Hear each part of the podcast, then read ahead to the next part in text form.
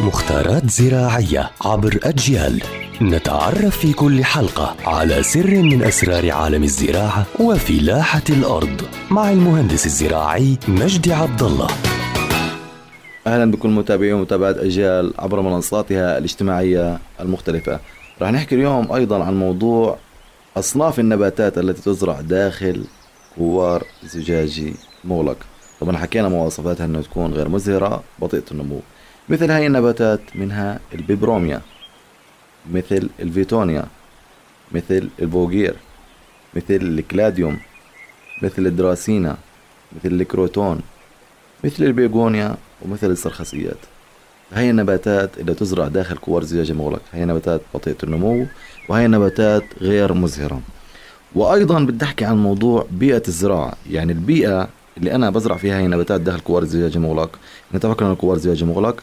اتفقنا على الظروف تبعته اتفقنا على أصناف النباتات بدنا نتفق على البيئة الزراعية يعني شو مكونات التراب اللي داخل كوار زجاج مغلق فأولا طبقة الصرف. يعني أنا طبقة الصرف اللي هي الطبقة اللي بتكون أول طبقة تحت قاع الكوار. بتكون طبعا من حصى صغير أو البرلايت أو كسات الفخار. طبعا تؤمن الصرف الجيد وعدم تراكم الماء وتعفن الجذور. ويمكن مد طبقة رقيقة من الإسفنج على جوانب الإناء تخفي طبقات الزراعة. ثانيا طبقة الفحم. تمد طبقة من الفحم فوق طبقة الصرف لامتصاص النواتج الثانوية من تحلل بقايا النباتات وبعض الرطوبة الزائدة ويمكن أن تغطى بدورها بطبقة رقيقة من الرمل الناعم أو بعض أوراق الصحف الطبقة الأخيرة هي طبقة الزراعة. تستخدم الأطربة المحتوية على نسبة عالية من المادة العضوية والتي تخلط بكميات مناسبة من الرمل ويفضل استخدام البيتموس.